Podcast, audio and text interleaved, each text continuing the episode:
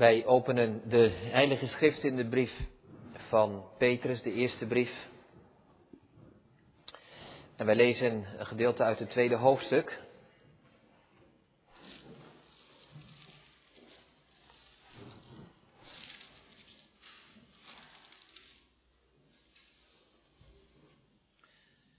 Vers 19 en dan lezen we het hoofdstuk uit tot en met vers 25. 1 Petrus 2, vers 19 tot 25. Het woord van God spreekt ons als volgt aan, want dit is genade. Indien iemand om de conscientie voor God zwarigheid verdraagt, leidende ten onrechte. Want wat lof is het indien gij verdraagt als gij zondigt en daarover geslagen wordt, maar indien gij verdraagt als gij wel doet en daarover leidt, dat is genade bij God. Want hiertoe zijt gij geroepen, terwijl ook Christus voor ons geleden heeft, ons een voorbeeld nalatende, opdat gij zijn voetstappen zoudt navolgen. Die geen zonde gedaan heeft, en er is geen bedrog in zijn mond gevonden.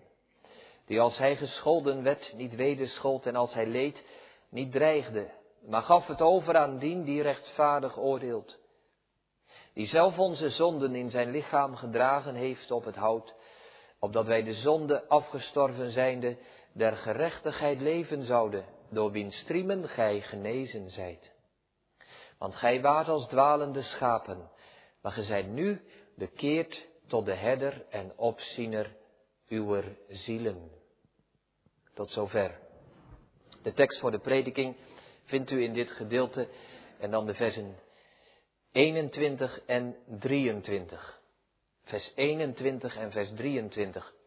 Want hiertoe zijt gij geroepen, terwijl ook Christus voor ons geleden heeft, ons een voorbeeld nalatende, opdat gij zijn voetstappen zoudt navolgen, die als hij gescholden werd, niet wederschold, en als hij leed, niet dreigde, maar gaf het over aan dien die rechtvaardig oordeelt. Laten wij boven de preek schrijven het navolgen van de leidende Christus. Het navolgen van de leidende Christus. Er zijn drie zaken waarbij ik uw aandacht zou willen bepalen vanmorgen. Ten eerste de situatie. Ten tweede de reactie. En ten derde de correctie. Het navolgen van de leidende Christus. Ten eerste de situatie. Wij bevinden ons op dit moment, als wij lezen in de brief van, van Petrus, in een situatie van onrecht. Dus onze eerste gedachte, de situatie, namelijk een situatie van onrecht. Ten tweede, de reactie. Hoe moeten wij daarop reageren als ons onrecht overkomt? En dan lezen wij dat we het moeten overgeven aan God die rechtvaardig oordeelt. Het slot van vers 23. En de correctie. We moeten gecorrigeerd worden dat wij niet doen wat als vanzelf op zou komen. Zo en zo zou ik willen reageren. Nee, we worden daarin gecorrigeerd. We moeten namelijk niet terugschelden en niet dreigen. Het navolgen van de leidende Christus, de situatie, de reactie en de correctie. Ik werd mede door tot deze tekst gebracht als we, als we om ons heen kijken in deze wereld. Wij horen van alle kanten dat er onrecht plaatsvindt. We lezen in de krant dat er in Nigeria honderden christenen op brute wijze worden vermoord.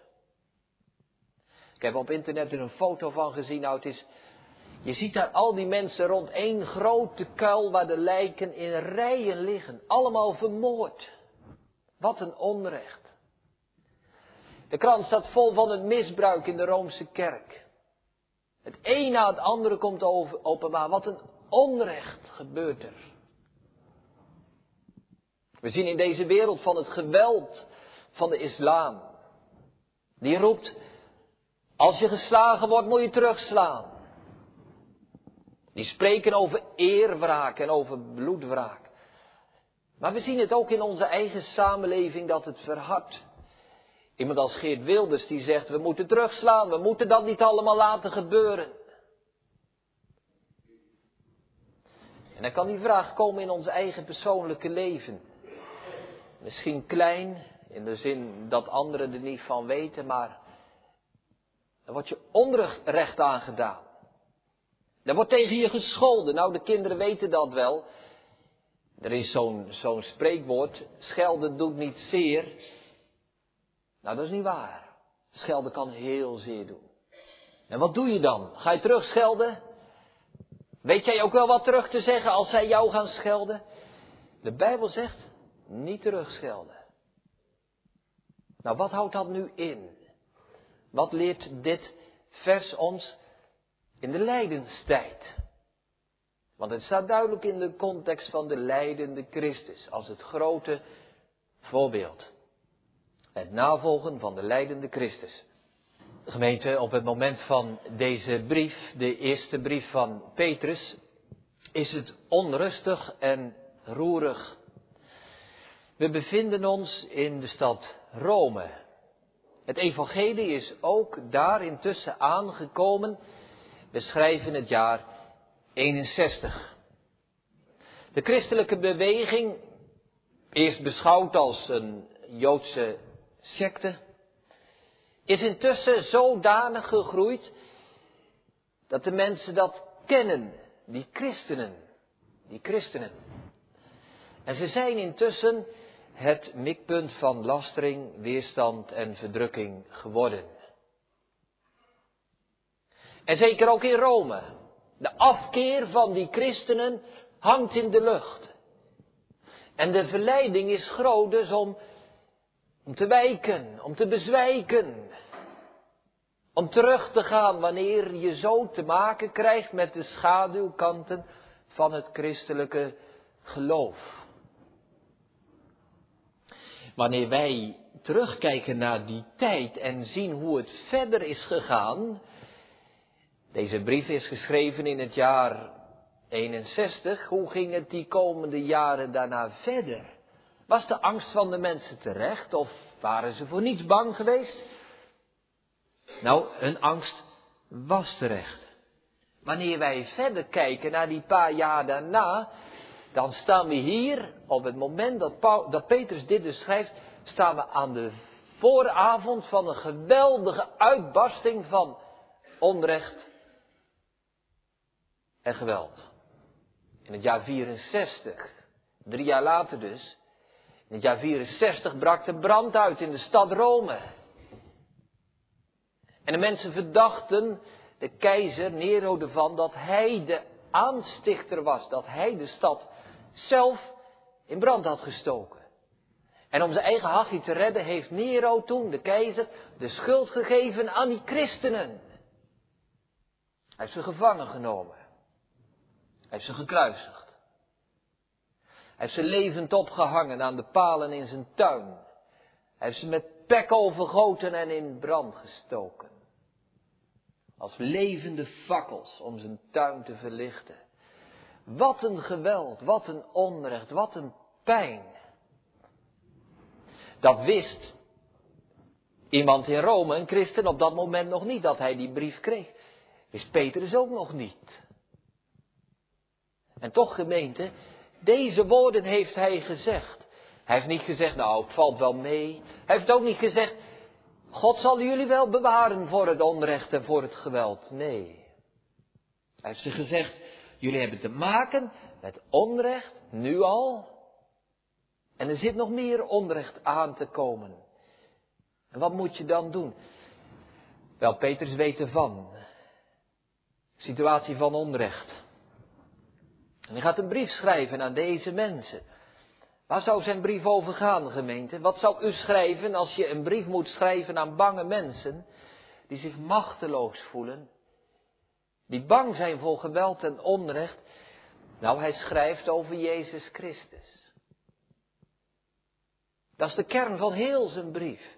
Jezus Christus, waarvan hij zegt meteen aan het begin al, die je niet gezien hebt en toch lief hebt.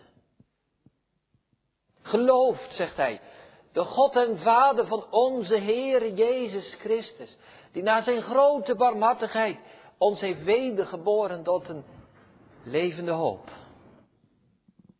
Ondanks het dreigende onheil is zijn brief vol vreugde, vol blijdschap. Zodra hij begint over Jezus Christus, stroomt zijn mond over van blijdschap.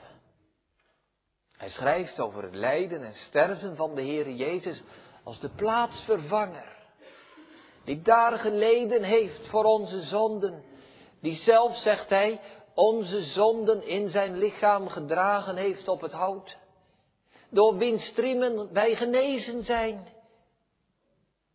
Hij zegt iets verderop in hoofdstuk 3, want Christus heeft ook eens voor de zonde geleden. Hij rechtvaardig voor de onrechtvaardig, opdat hij ons tot God zou brengen. Dus hij blijft daar oog voor hebben. Het is telkens weer zijn thema. Christus voor ons en in onze plaats. Plaatsvervangend. En toch gemeente, dat ene thema van de plaatsvervanging, dat wordt als het ware voortdurend omgeven. Het zijn thema's die elkaar afwisselen. Christus is niet alleen de plaatsvervanger, hij is ook ons voorbeeld.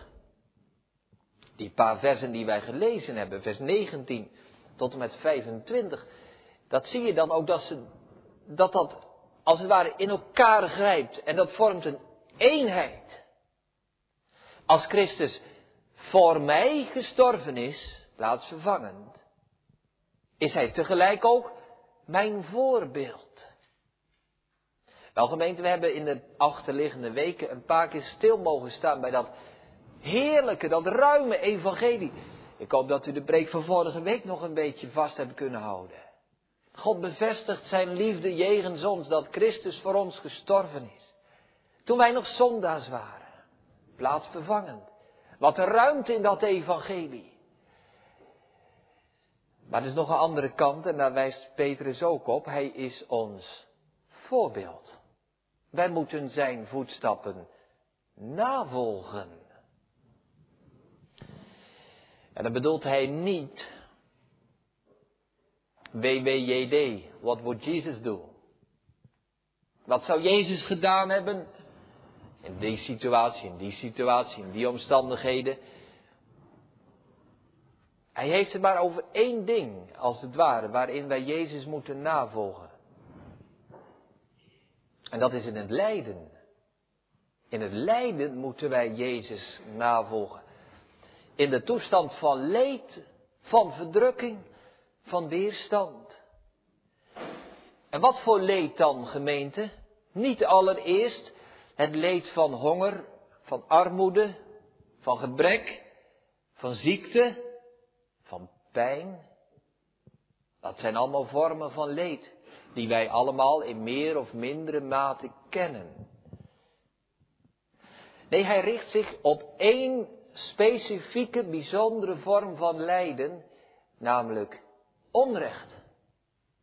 Onrecht. Daar heeft Petrus het over. Hij geeft zijn lezers en ook ons aanwijzingen. Hoe moet ik mij gedragen als ik te maken krijg met onrecht? Nou gemeente, een mens kan heel veel pijn en lijden in dit leven over zich heen krijgen. Maar er is geen vorm van lijden zo zwaar en zo moeilijk als onrecht. Er is geen vorm van lijden die zo diep is. Wat is nu het ergste op deze wereld, geweten? Dat is onrecht. Armoede, ziekte, pijn, het is erg. Maar onrecht, dat grijpt nog dieper in ons leven in. Wat is dat, onrecht? Nou, ik, ik probeer er een korte omschrijving van te geven, een soort definitie. Onrecht is dit, gemeente. Lijden, wat je, lijden door wat je moedwillig door andere mensen wordt aangedaan. Dat is onrecht. Lijden door wat je moedwillig door andere mensen wordt aangedaan. Als je erover doordenkt, gemeente, dan, dan moet je zeggen dat slachtoffers van onrecht, die lijden eigenlijk driedubbel. Driedubbel. Zij hebben de eigenlijke pijn, de schade die je ondervindt. Denk maar aan die mensen die geslagen werden. Die liepen over straat en als het bekend was dat ze christen waren, dan werden ze in elkaar geslagen. Dat doet pijn. Die pijn die voel je als je onrecht wordt aangedaan. Maar er is nog een tweede pijn. Dat het je moedwillig, bewust, opzettelijk wordt aangedaan door andere mensen. Dat maakt de pijn dus twee keer zo zwaar. En de derde pijn, die het drie keer zo zwaar maakt, is de ontdekking dat de mensen die dat onrecht doen, vervolgens meestal vrij uitgaan. Er is geen recht. Ze gaan vrij uit.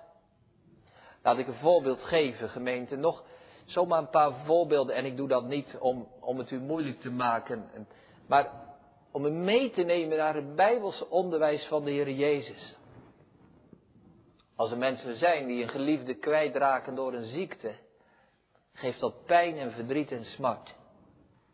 Maar een ziekte is iets wat je als het ware overkomt. Als je een geliefde kwijtraakt door een moord, is dat nog veel erger. En zeker als vervolgens die moordenaar vrij uitgaat en niemand hem straft. Laat ik nog een voorbeeld geven. Stel dat er iemand is die in de auto rijdt en door gladheid raak je in de slip. Je slaat over de kop. En je been moet eraf. Je wordt verminkt voor de rest van het leven ben je verminkt.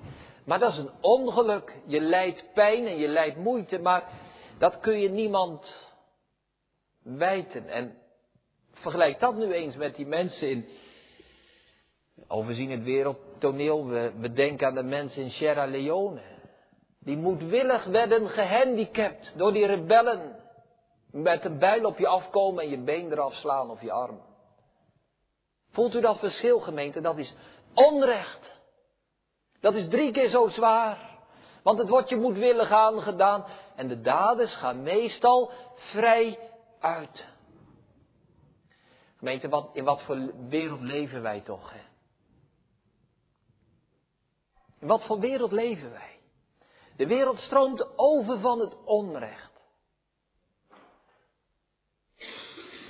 Dat er aardbevingen zijn, en tsunamis en ziekten en hongersnoden, dat is vreselijk.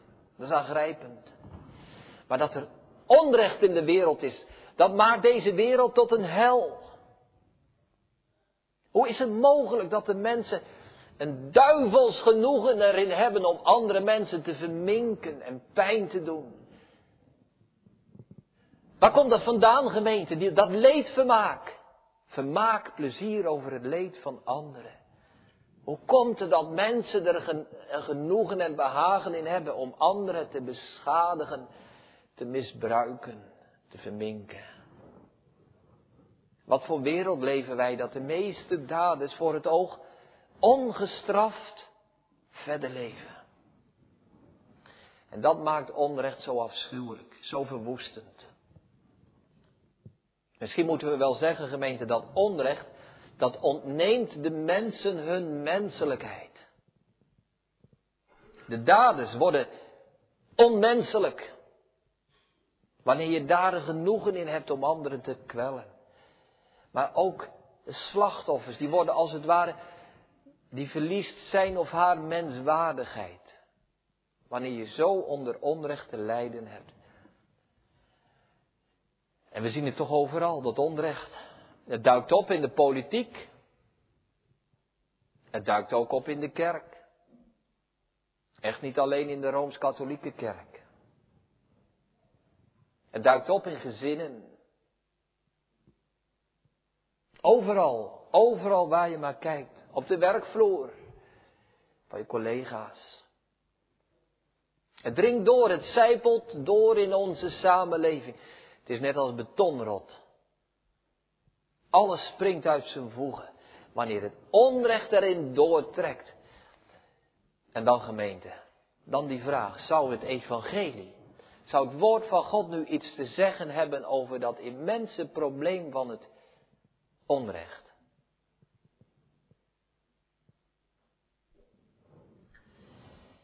Er zijn hier denk ik twee valkuilen waarvoor voor op moeten passen. En de eerste is dit.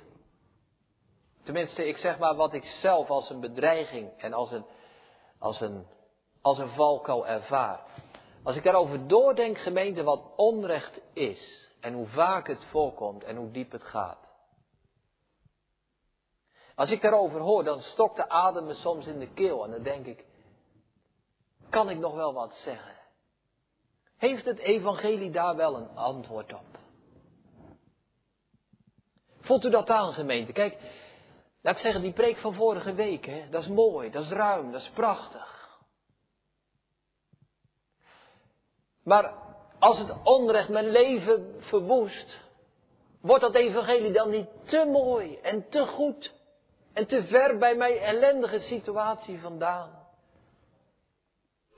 Is het evangelie misschien een boodschap voor mensen waar het goed gaat en die hun levens op de rails hebben en waar alles te overzien is? En ja, dan, dan past dat, dan klopt dat. Zou het evangelie daar een antwoord op hebben? Ja, gemeente, gelukkig wel. Maar dan moeten we wel oppassen, en dat is de tweede valkuil. We moeten dan niet het verkeerde antwoord geven. Wat is een verkeerd antwoord? Wat zou verkeerd kunnen zijn wanneer wij te maken krijgen met onrecht? Dat je zegt tegen iemand die te lijden heeft onder onrecht. Joh, de Bijbel zegt je moet vergeven. Ik denk dat dat een verkeerd antwoord is. Dat zegt de Bijbel niet. In ieder geval in deze tekst komen dat antwoord niet tegen. Dat antwoord gemeente, dat, dat lijkt mij te veel op dat wat Absalom zei tegen zijn zus Tamar. U kent de geschiedenis, 2 Samuel 13. Tamar, die op brute wijze verkracht was door haar broer Amnon. Onrecht aangedaan, haar leven was beschadigd en verwoest. David deed niks. David wist het, maar David liet het gebeuren. En Absalom, wat zei Absalom tegen zijn zus? Nu dan, mijn zuster, zwijg stil. Is je broer. Hij heeft inderdaad later geweld gebruikt om zijn zus te wreken, maar voor dat moment, gemeente, voelt u dat antwoord, dat klopt niet. Dat doet geen recht aan de situatie. En als wij een slachtoffer van onrecht zeggen, joh, je moet vergeven, dat is geen Bijbels antwoord. Wat dan wel? Wat is wel het Bijbelse antwoord? Hoe kunnen wij en mogen wij en moeten wij omgaan met onrecht? Onze tweede gedachte.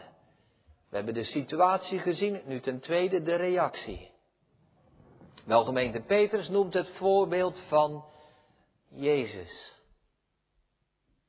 Het voorbeeld van Jezus. En terecht, als er één is geweest in deze wereld die te maken had met onrecht, dan was hij het. Waarom heeft Jezus onrecht geleden, gemeente? Wel hierom, het goede in zijn leven gaf aanleiding tot zijn dood. Niet het zondige, niet het verkeerde, maar juist het goede. Hij was niet zomaar een willekeurig voorwerp van haat en afkeer. Zoals soms in een grote stad een willekeurige voorbijganger zomaar in elkaar geslagen wordt.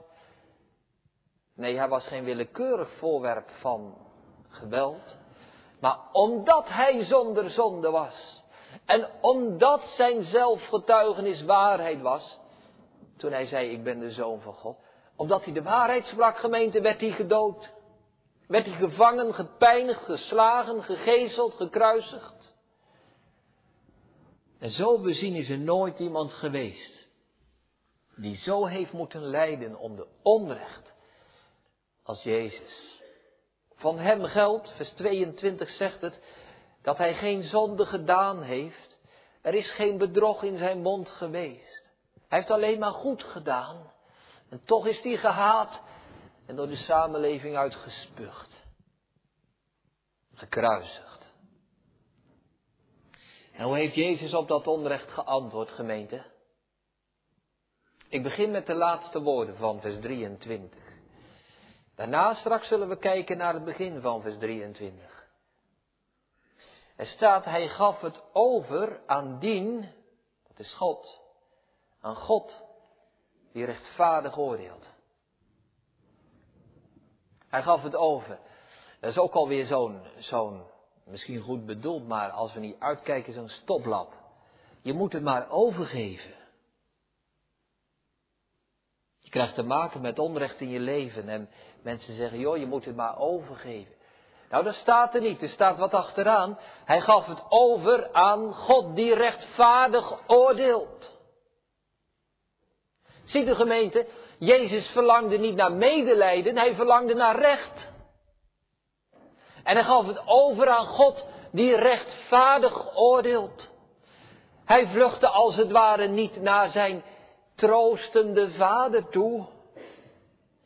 Naar die vriendelijke vader in de hemel die, zoals de theologie vandaag zo makkelijk zegt, die, die een arm om je heen slaat.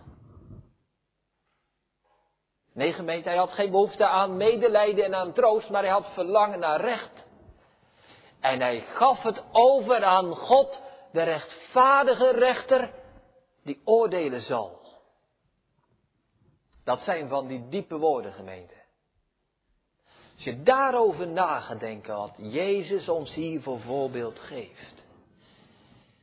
Hij gaf het over aan God, in wie geen onrecht is die rechtvaardig oordeelt. Hij legt het neer bij de rechter van hemel en aarde.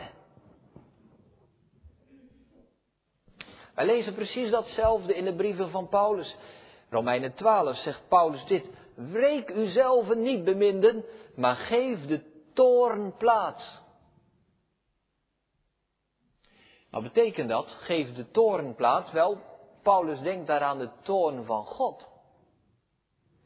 Geef de toorn van God plaats. Hij zegt als het ware, doe nu maar eens een stapje terug. En geef ruimte voor de wraak van God. De toorn van God. Die moet je plaatsgeven.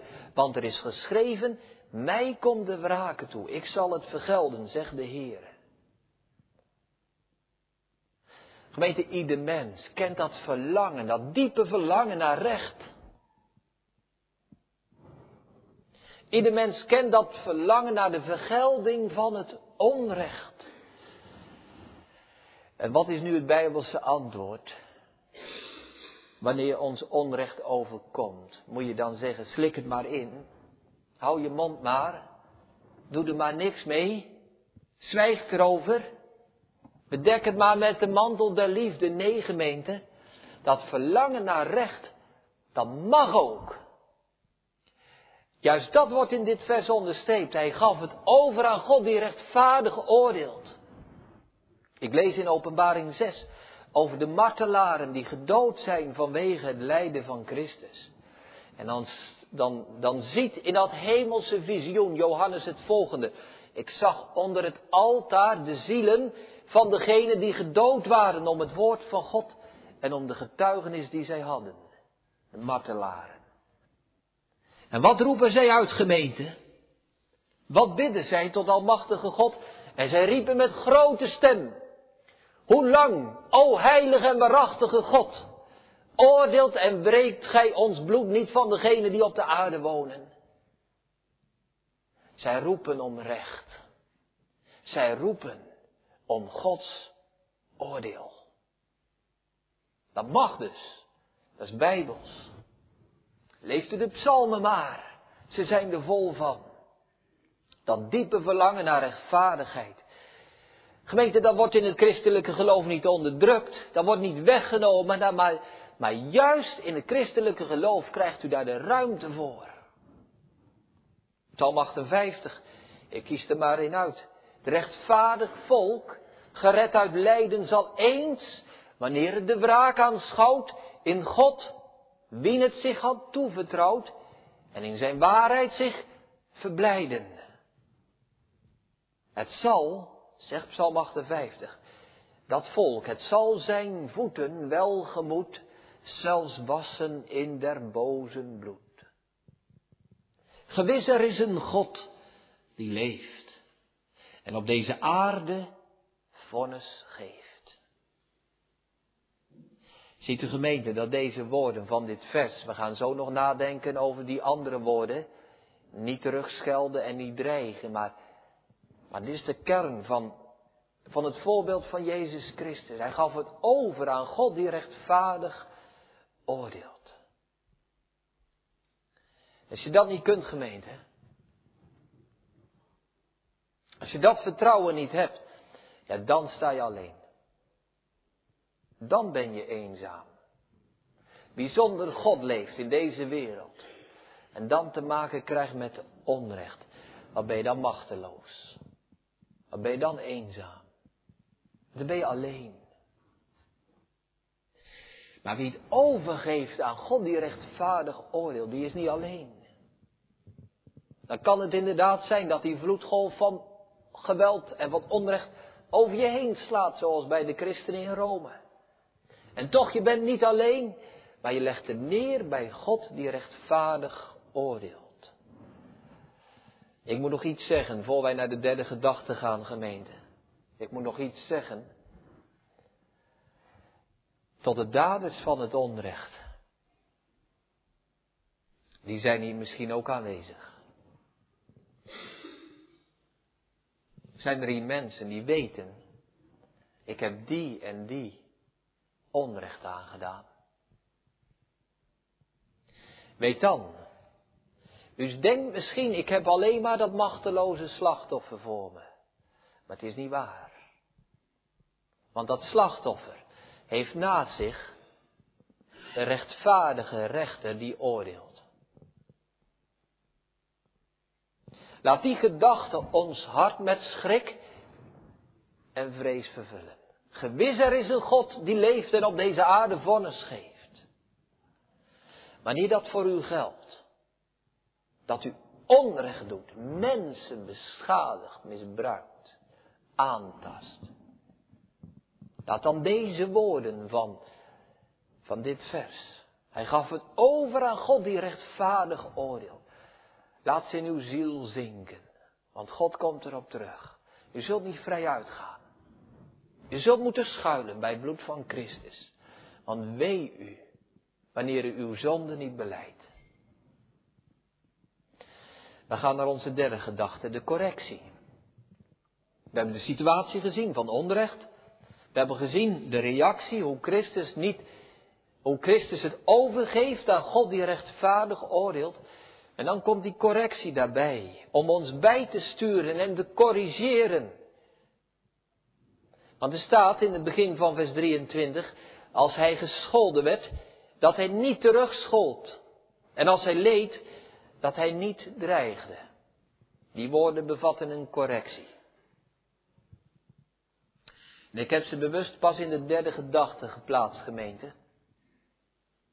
Na wat wij gezien hebben in de tweede gedachte. Wij kunnen deze woorden, dat je niet mag terugschelden en dat je niet mag dreigen, alleen begrijpen als wij die slotwoorden erbij genomen hebben en die begrepen hebben. Het overgeven aan God die rechtvaardig oordeelt. Maar dat gezien hebbend en dat gezegd zijnde, laten we die woorden in hun volle kracht staan. En een christen mag niet terugschelden. En een christen mag niet dreigen. Nou kinderen, jullie weten wel hoe moeilijk dat kan zijn, hè? Je bent aan het spelen op het schoolplein en je wordt uitgescholden. En je voelt je boos worden, omdat het zo'n pijn doet. En het liefst zou je keihard terugschelden naar die ander. Nou, je weet genoeg te verzinnen hoor, om eens hard te schelden. Maar het mag niet. De Bijbel zegt, je mag niet terugschelden, want Jezus deed het ook niet. Ze hebben hem ook al uitgemaakt voor van alles en nog wat. Ze hebben hem uitgescholden voor een hoerenkind. Je bent niet uit de echt geboren. Wie is je vader eigenlijk? Ze hebben hem uitgescholden voor, voor een godslasteraar. En voor van alles. Hij heeft geleden. Hij kreeg de doornenkroon op zijn hoofd geslagen. Ze hebben de spijkers door zijn handen geslagen. Hij heeft geleden. Wat zou jij doen? Wat zou u doen? schelden, dreigen. Hij deed het niet. En wij mogen het ook niet, gemeente. Je zegt, ja, maar dat lukt mij niet. Het is onmogelijk. En toch. En toch staat het in de Bijbel. En wij begrijpen dat alleen, gemeente, in combinatie met die andere woorden. Hij gaf het over aan God die rechtvaardig oordeelt. Laat ik er dit bij zeggen, gemeente. Deze tekst gaat niet over zelfverdediging. Dat betekent niet dat je je maar willoos moet laten slaan in een situatie van waarin je je verdedigen kan.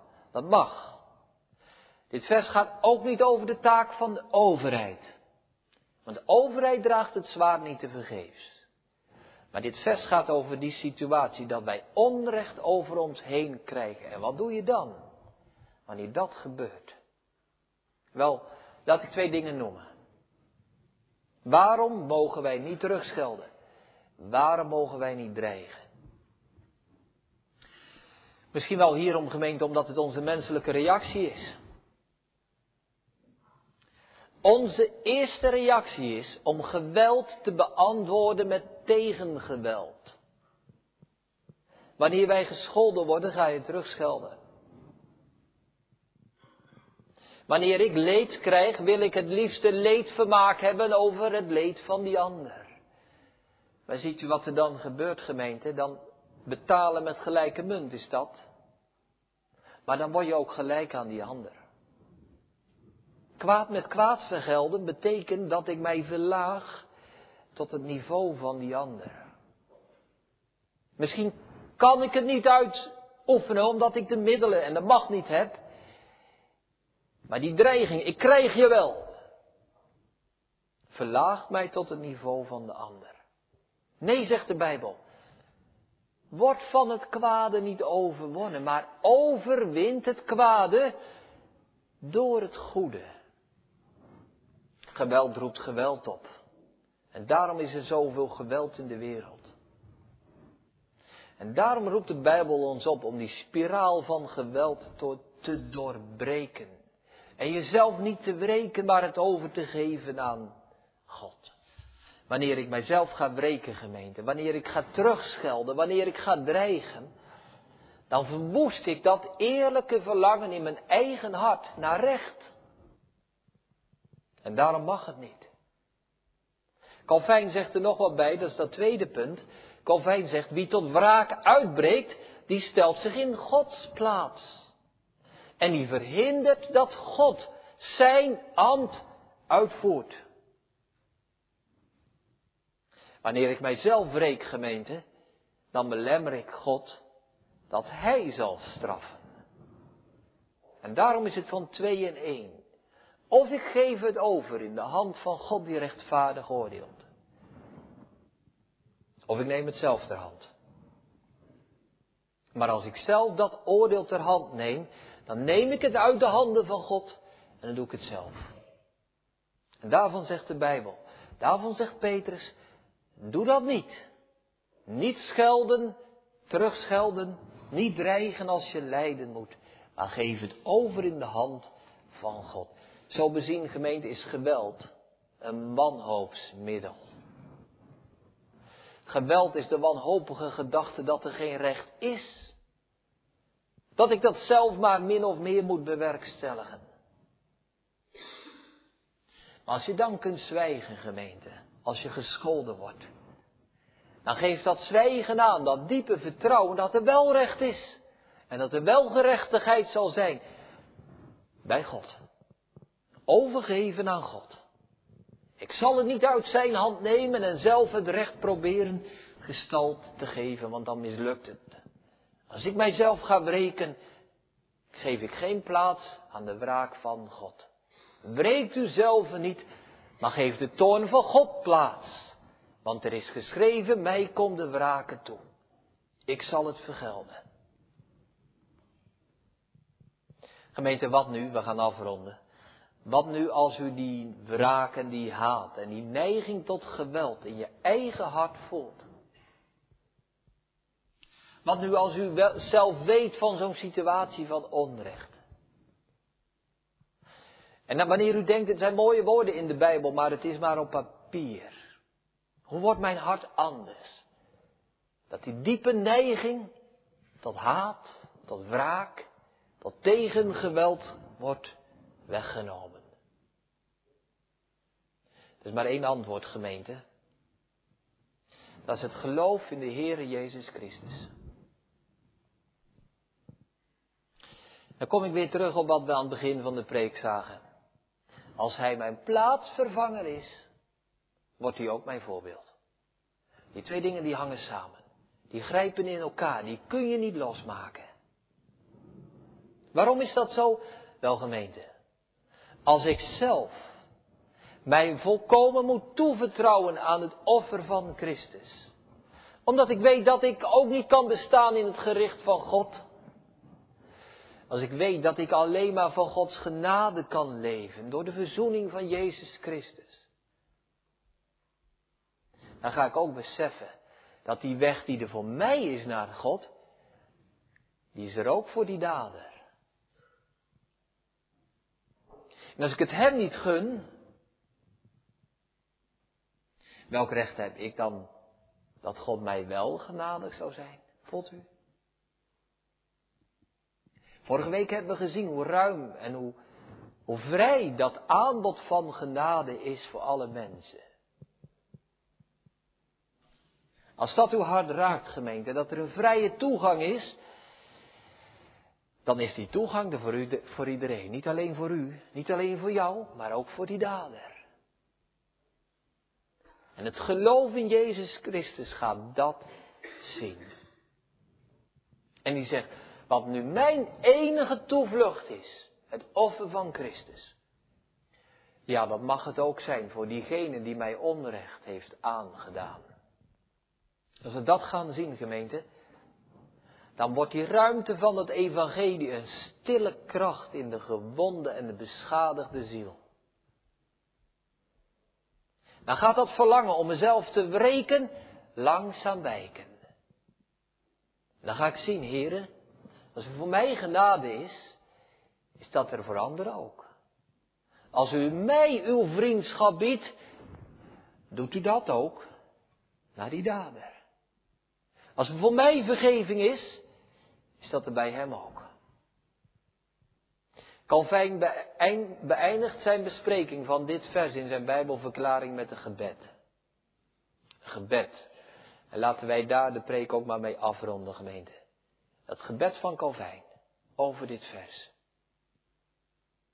Hij zegt het volgende. Ik zal het twee keer voorlezen, dan kunt u het goed volgen. Gij, heren, kent mijn hart. Hoe ik hen zalig wens die mij willen verderven.